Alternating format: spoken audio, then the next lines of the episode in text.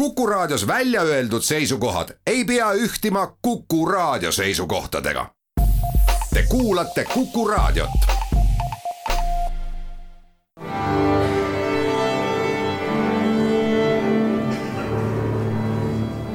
daamid ja härrad, Eesti Kontserdi saade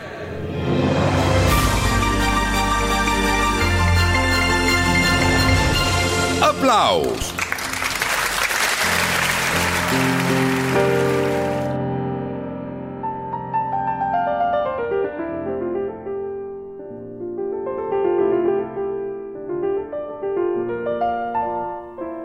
tere kõigile, Eesti Kontserdi saade Applaus on eetris. festival Klaver kaks tuhat kakskümmend on hoolimata maailmas valitsevast olukorrast edukalt selja taha jäänud ja nagu Postimees ütles, kandis tänavust festivali noorte korraldajate vaimustus, pühendumine ning pidev valmis ja kohalolek. ja tulemused ei jäänud tulemata, rohkem huvi, publikut ja eriline ootus nende kontsertide ümber.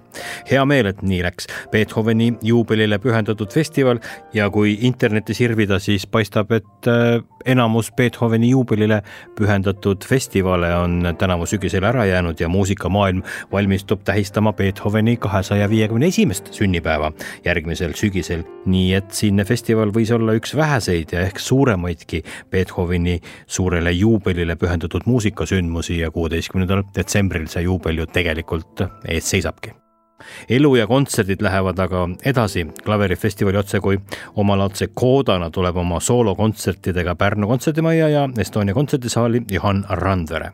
see on kontsert meie ühisest sarjast Interpreetide Liiduga I nagu interpreet ja Johan mängib Jaan Räätsa, Claude Debussy ja Pjotor Tšaikovski teoseid.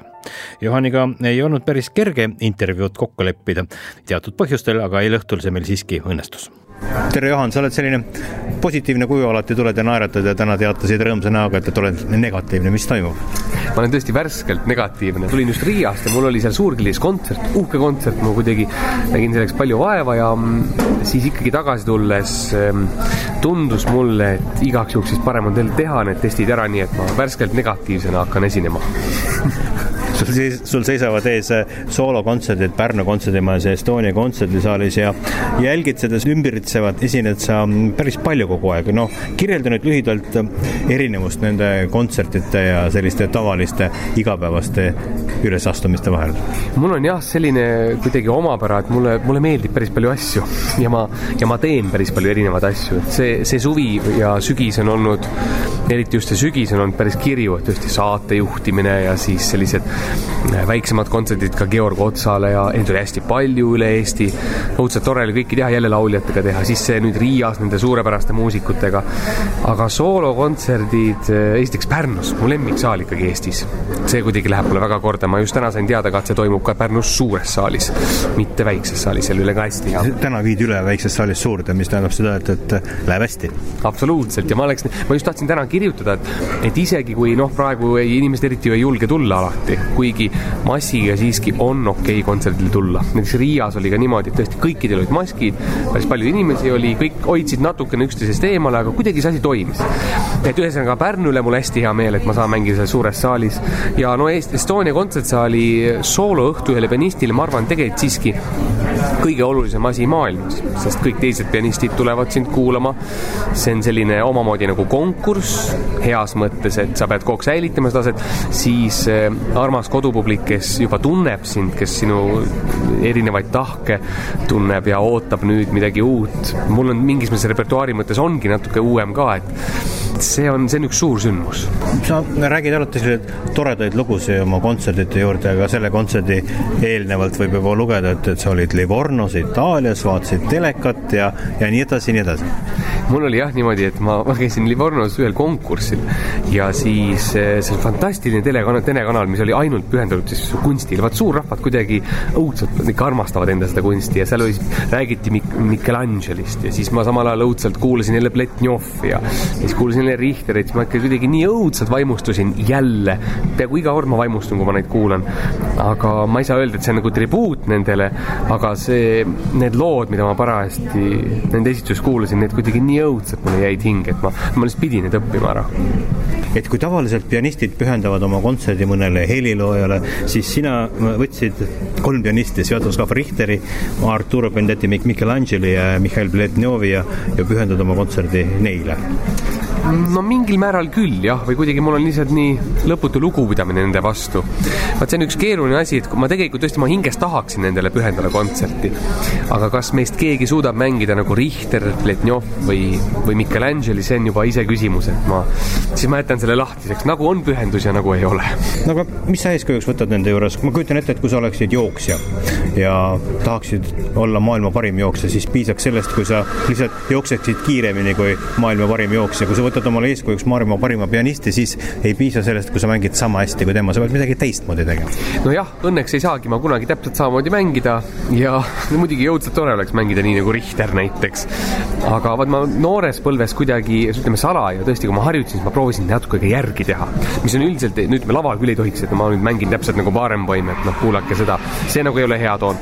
aga harjutamisprotsessi mõttes ma päris palju proovisin järgi teha, aga mingid Richterid ja Pletov, neid nagu ei olegi võimalik kuidagi järgi teha, see samamoodi ka Michelangeli, et nende see, vot mulle meeldib niisugune väljend nagu molekulaartasandi näpuots. et see on selline noh, nagu midagi nii peenet ja kristallset, et, et see on nagu ütleme, selline unistus, kuhu võiks ühel hetkel me kõik jõuda oma sellises näputöös. kes selle maailma suurtest pianistidest on nagu kõige rohkem eeskujuks? Väga tore küsimus, no mulle kuidagi meeldivad, mulle meeldib Marta Argerich väga, tõesti, no selline noh, no ime, lihtsalt ongi ime, kuidas ta ikkagi, kuidas ta jõuab, no Sokolov loomulikult meeldib. Ja ikkagi Pletnjov vist ongi praegu, keda noh, kes on, no ta on, ma tean, et ta on ka selline no inimesena võib-olla mitte kõige alati, et igasugu lugusid ju on, kuidas ta on seal purustanud kellegi, kes tuleb tundi ja, ja ei oska ja mida võib-olla igasugune kena inimene ei tee, aga teisipidi no lihtsalt tema anne on selline, mille vastu nagu ei saa, nii et, nii et noh, see on täiesti fantastilised, fantastiline aju, fantastilised sõrmed. Rääts, Debussy ja Tšaikovski, annab see mingisuguse aimu ka sinu muusikalistest tõekspidamistest praegusel ajahetkel? natukene jah, no Räätsast ma kirjutan äh, doktoritööd, nii et selles mõttes Räätsaga ma tegelen päris palju, aga mingis mõttes on ka see just äh, minul hästi nagu väljakutsuv või, või tavatu repertuaar ka. et ma olen tavaliselt mänginud sellist, ütleme võib-olla uuemat muusikat nagu Raudavaara ja, ja ka mulle Ligeti väga meeldib ja Karl Vain ja noh, nagu hästi energilised asjad, mida ma olen alati mänginud. aga vaat nüüd kuidagi selline romantiline hing natuke on mingis mõttes avanenud ja kogu seda aega vaadates mul juba enne karantiini see sama kava oli õudselt meeles, aga karantiini ajal mulle kuidagi eriti tundus, et et vaat tuleme kõik sinna Estonia kontsertsaali, istume rahulikult maha ja hakkame vaikselt pajatama. on sul õnnestunud äh, doktoritöö raames Rätsa endaga rääkida? jah, jaa, Rätsaga me oleme täitsa tihedas suhtluses ja Räts on erakordne inimene. mulle, mulle ta väga meeldib, ta on, ta on kuidagi nagu selle kõige õigemas sõnas lihtne, et temaga saab äh, väga mõnusalt rääkida. mul näiteks lemmik oli siis, kui, mul kaks lemmikhetke on olnud. Äh, üks oli see, kui ma küsisin noorena sellise sellise noh, natuke naiivse küsimusega, ma siis tahtsin näha, mida ta vastab. küsisin, et äh, maestro, et kuidas saada inspiratsiooni? ja siis mu lemmik oli see, kuidas ta ütles, et äh, tuleb pihta hakata. et see kuidagi, see ütles väga palju, nii et nii Rääts on väga kihvt, ma loodan, et ta tuleb kontserdile sulle meeldib rääkida, sulle meeldib ka kontserdite ajal publikuga suhelda, need kontserdid on teistmoodi. Johanna Randvere tuleb publiku ette, kummardab, hakkab mängima ja ütlebki kõike läbi muusika. jah, Estonia kontsertsaalis kuidagi ma hästi ei kujuta ennast ette rääkimas, see on, see on, see on piisavalt suur ja kuidagi aukartust äratav omamoodi, see on ikkagi meie selline esindussaal. et seal mul, ma olen kunagi mõelnud, äkki võiks rääkida, Mustpeade majas ma olen tõesti rääkinud ja need on olnud kuidagi õnnestunud alati. aga seal Estonias ma hästi ei kujuta seda ette, nii et Estonias kõneleb ainult muusika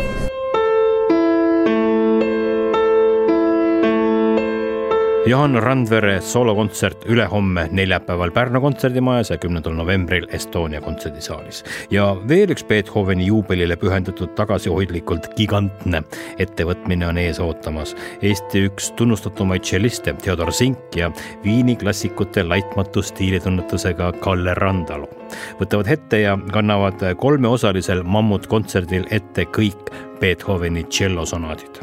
see on otsekui teekond läbi Beethoveni elu, sest esimesed sonaadid pärinevad ajast, kui Beethoven esines peamiselt klaverivirtuoosina ja jäljendas heliloojana oma suuri eeskujusid Haydnit ja Mozarti. kolmandas sonaadis jõudis ta tollal ajast eesolevana pillide siis tšello ja klaveri võrdse kohtlemiseni, see oli uus asi tšellosonaatide juures ja viimased sonaadid esitlevad jõulise ja küpse looja trotslikku võitlust omaaegsete muusika tõekspidamistega ning suurejoonelist sisenemist romantismi perioodi.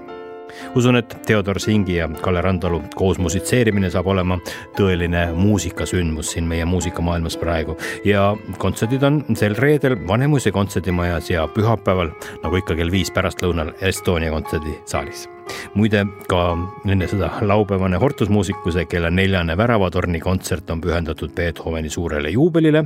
Hortus ise muidugi Beethovenit ei mängi, aga seda teevad Hortuse liikmed Andres Mustonen isiklikult viiulil ja Ivo Sillamaa haamerklaveril kell neli pärastlõunal Väravatornis sel laupäeval ja veel üks uudis kontserdi kohta, mis paljude ärajäänud välisesinejatega kontsertide asemel on tasahilju meie kavadesse lisandunud õnnelikul kombel. reedel Tallinna Raekojas sarja Rituaalid raames kontsert, mille pealkiri on Peipsiveere vanausulised. laulab Orthodox Singers, dirigent on Valeri Petrov ja kõlab vanavene õigeusu muusika ja vanausulise vaimuliku värssidele kirjutatud patuste laulud kaastegev on isa Vassili, et kõik võimalikult autentne oleks ja kirjanik Vahur Afanassjev räägib oma elust vanausuliste külas ning loeb ette lõike oma romaanist Serafima ja Bogdan. see kõik reedel Tallinna Raekojas, aga meie kohtume kahe nädala pärast ja seniks kõike paremat teile.